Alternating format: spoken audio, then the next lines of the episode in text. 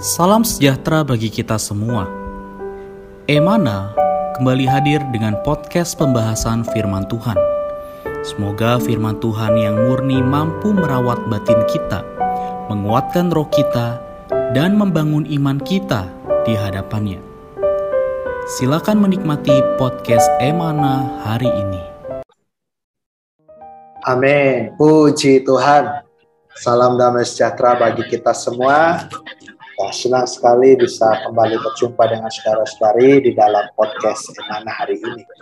Amin. Saya juga menyambut saudara Henry. Halo saudara Henry, selamat bergabung kembali. Amin. Halo saudara Stefanus. Halo saudara-saudari. Amin. Puji Tuhan.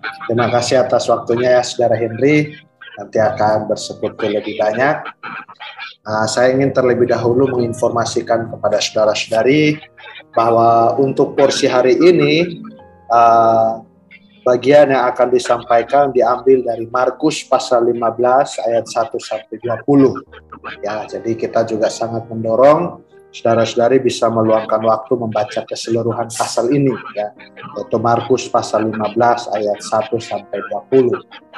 Nah, dan untuk hari ini topik persekutuan kita adalah penderitaan salib ya. Kita akan bersama-sama membahas mengenai penderitaan salib dan satu ayat yang mengawali persekutuan kita hari ini adalah dari Markus pasal 15 ayat 17 saya akan bacakan bagi kita, lalu saudara Henry akan mulai persekutuan. Men, Markus pasal 15 ayat 17, katakan mereka mengenakan jubah ungu kepadanya, menganyam sebuah mahkota duri, dan menaruhnya di atas kepalanya. Puji Tuhan. Itu adalah ayat yang dari dasar persekutuan kita. Dan untuk persekutuan lebih lengkap, saya serahkan kepada saudara Henry. Silahkan saudara Henry. Amin. Amen. Terima kasih Saudara Stefanus. Puji Tuhan, saudara-saudari, eh, pada saat ini kita memiliki satu judul penderitaan salib. Saudara-saudari, penderitaan salib ini khususnya mengacu kepada penderitaan Tuhan Yesus memikul salib eh, di atas Golgota bagi kita. Di mana kalau kita melihat segala prosesnya, saudara-saudari, oh itu satu hal yang tidak mudah bisa diterima oleh manusia biasa. Karena Tuhan kita menderita bukan karena dia seorang penjahat. Ya, tetapi dia menderita karena ketidakadil ketidakadilan. Ya, karena ketidakbenaran. Dia menderita lebih-lebih ya di pandangan manusia memang dia tidak diadili dengan tidak adil. Namun sebenarnya lebih jauh daripada itu. Sebenarnya dia menderita itu karena dia sendiri. Dia sendiri. Bukan karena oh manusia atau apa pun karena dia sendiri. Rela taat. Ya, dia belajar melakukan kehendak Bapa. Bahwa ketika dia doa di Taman Getsemani, ya, tiga kali dia berdoa. Dan pada akhirnya, amen. Tuhan memilih untuk melakukan kehendak Bapa, meminum cawan, yang Allah sediakan baginya. Saudara-saudari, jadi penderitaan Tuhan. Oh, bukan karena dia bersalah, tapi sungguh penderitaan adalah uh, yang al, yang dia pikul bagi kita supaya kita orang dosa haleluya hari ini boleh dibenarkan di hadapan Allah. Namun, saudara-saudara, harga yang dibayar oleh Tuhan itu begitu besar, begitu berat, begitu oh menyakitkan Saudara-saudari dikatakan mereka mengenakan jubah ungu kepadanya, menganyam sebuah mahkota duri dan menaruhnya di atas kepala. Oh, saudara-saudari inilah satu penghinaan dan olok-olok. Ya, sulit diterima. Ya, yang yang diberikan orang dunia pada Tuhan Yesus bukan mahkota mulia, melainkan mahkota yang teranyam dari duri. Saudara-saudari, Tuhan Yesus bagi kita menangguh kutukan, Kepalanya bermahkotakan mahkota duri. Oh, yang tumbuh karena kutukan terhadap orang yang berdosa. Ya, di dalam Alkitab, uh, duri, uh, semak belukar, semak duri melambangkan kutuk. Ya, saudara-saudari, ketika manusia jatuh di dalam dosa, mereka diusir. Hasilnya, apa saudara-saudari, ada duri. Ya, Saudara-saudara ini adalah lambang dari kutukan. Namun di atas kayu salib Tuhan bermahkotakan duri. Artinya saudara-saudara dia menanggung kutuk. Dia memikul kutuk, dia menjadi kutuk. Ya, terhadap orang yang berdosa. Oh, syukur kepada Tuhan. Semoga kita memiliki apresiasi setiap kali kita datang dalam sidang hari Tuhan. Di sana ada tubuh dan darah Tuhan. Terus dari kita bukan jatuh di dalam perasaan, tapi kita dengan penuh apresiasi dan pujian, ucapan syukur, memuji Tuhan yang telah bermahkota duri bagi kita. Haleluya. Amin. Puji Tuhan.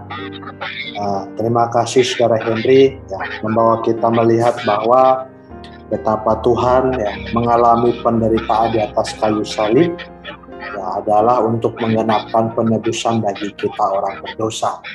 Saudara-saudari, ya kalau kita membaca Alkitab, kita akan melihat bahwa penderitaan yang dia tanggung adalah ya, boleh dikatakan penderitaan di luar batas seorang manusia ya tetapi Tuhan di atas kayu salib, ya bahkan sebelum dia naik ke kayu salib, dia harus mengalami dan melalui itu semua, saudara-saudari. Kalau kita lihat itu semua adalah karena dia mengasihi kita dia ingin melepaskan kita dari dosa.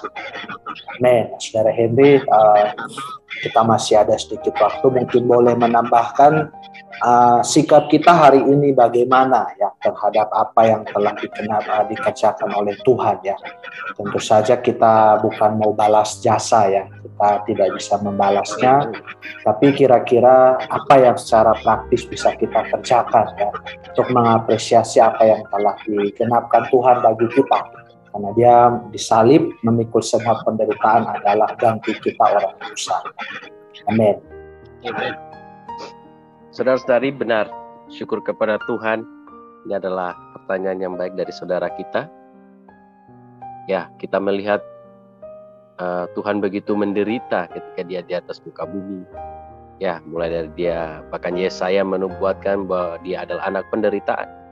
Ya, wajahnya tidak tampan, sehingga kita tidak melihatnya, kita tidak menginginannya. Dia tidak terhitung dalam pandangan kita. Saudara-saudari, namun kita bersyukur kepada Tuhan bahwa ketika Tuhan di atas muka bumi sebelum dia naik ke atas kayu salib ya selesai dari puncak di mana dia berkorban ya puncak kasihnya di atas kayu salib Tuhan mendirikan satu sidang yaitu sidang hari Tuhan sidang meja Tuhan Tuhan menggantikan dengan pasca milik perjanjian lama dengan sidang meja Tuhan milik perjanjian baru di sana Tuhan jelas mengatakan, peringatkanlah ini setiap kali kamu mengingat aku ya. Ketika kamu makan roti ini. Ketika kamu minum cawan ini, peringatkanlah ini. Oh, setiap kali kamu mengingat. Ini terus diteruskan oleh para murid ya pada zaman gereja sebermula. Dalam kitab kisah para rasul, murid-murid melanjutkan ya sidang meja Tuhan ini atau perjamuan kudus ya.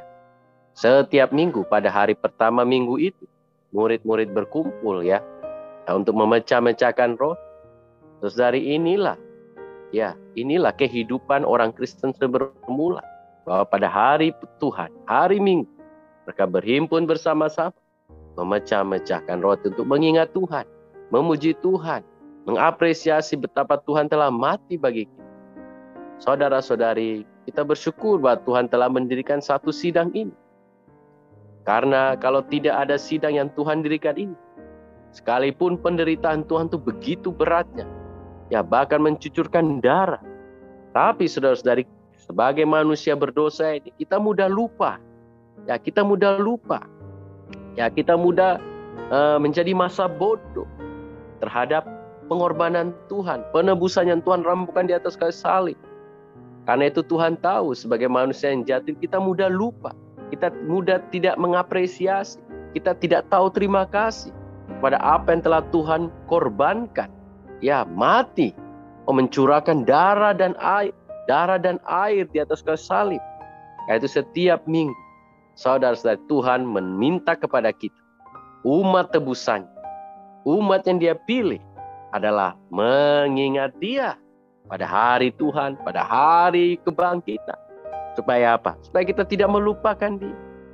Saudara-saudari, hari ini banyak orang Kristen. Ya kan, saudara-saudari? Banyak yang sudah melupakan.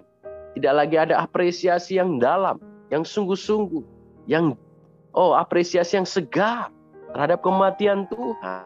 Karena itu puji Tuhan, pemulihan Tuhan hari ini setiap minggu terus melatih roh kita agar kita betul-betul mengapresiasi apa yang telah Tuhan rampungkan, Tuhan genapkan di atas kayu salib, apa yang dia dia, dia selesaikan. Ya, di mana saudara-saudari ketika dia mati di atas salib, dia mendamaikan kita dengan Allah. Dia menjadi kurban pendamaian itu. Ya, dia menggenapkan seluruh lambang di dalam perjanjian lama. Puji Tuhan, inilah sikap kita sebagai umat tebusannya. Setiap minggu kita boleh mengingat Tuhan. Kita boleh memproklamirkan kematiannya. Sampai kapan saudari? Dalam 1 Korintus 11 Paulus mengatakan sampai dia datang kembali. Saudara-saudara, puji Tuhan. Kasih karunia Tuhan menyertai kita. Amin. Amin. Puji Tuhan. Terima kasih Saudara Henry atas penjelasannya. Saya rasa sangat jelas ya saudara-saudari bahwa hari ini cara kita mengingat dan mengapresiasi Tuhan. Ada orang mungkin dengan menangis, ada orang mungkin dengan mengingat atau atau membayangkan. Tapi di dalam Alkitab sangat jelas bahwa kita mengingat Tuhan adalah melalui datang pada meja Tuhan.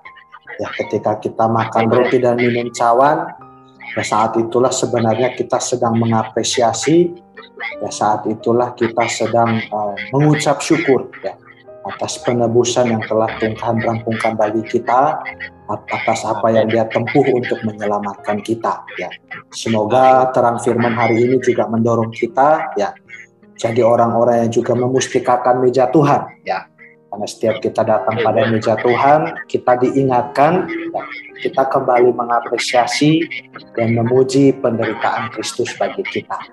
Amin. Puji Tuhan.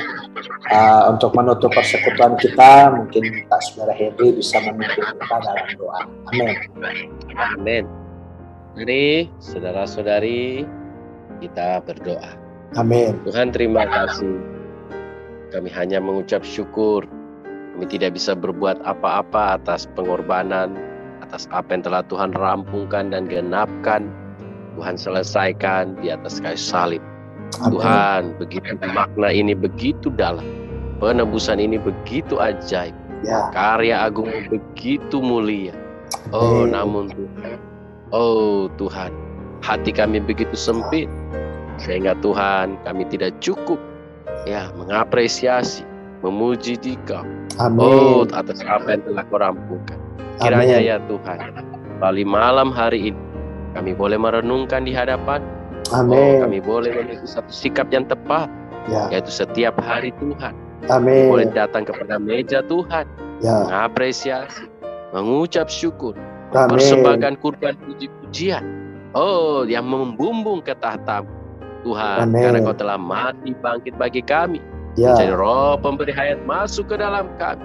Amin. Oh, biarlah inilah menjadi kenang-kenangan kami sampai kekal. Amin. Kami tidak melewatkan satu kali hari minggu itu Tuhan. Ya. Setiap minggu 52 minggu dalam satu tahun. Kami boleh terus mengapresiasi. Kami boleh terus mengingat.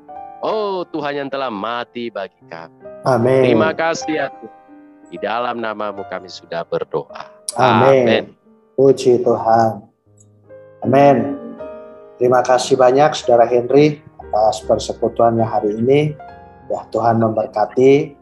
Juga bagi saudara-saudari yang menikmati podcast Emana ini, kiranya firman Tuhan juga terus menguatkan kita, ya, terus mendorong kita maju dan terlebih membawa kita semakin mengasihi dan melayani Tuhan.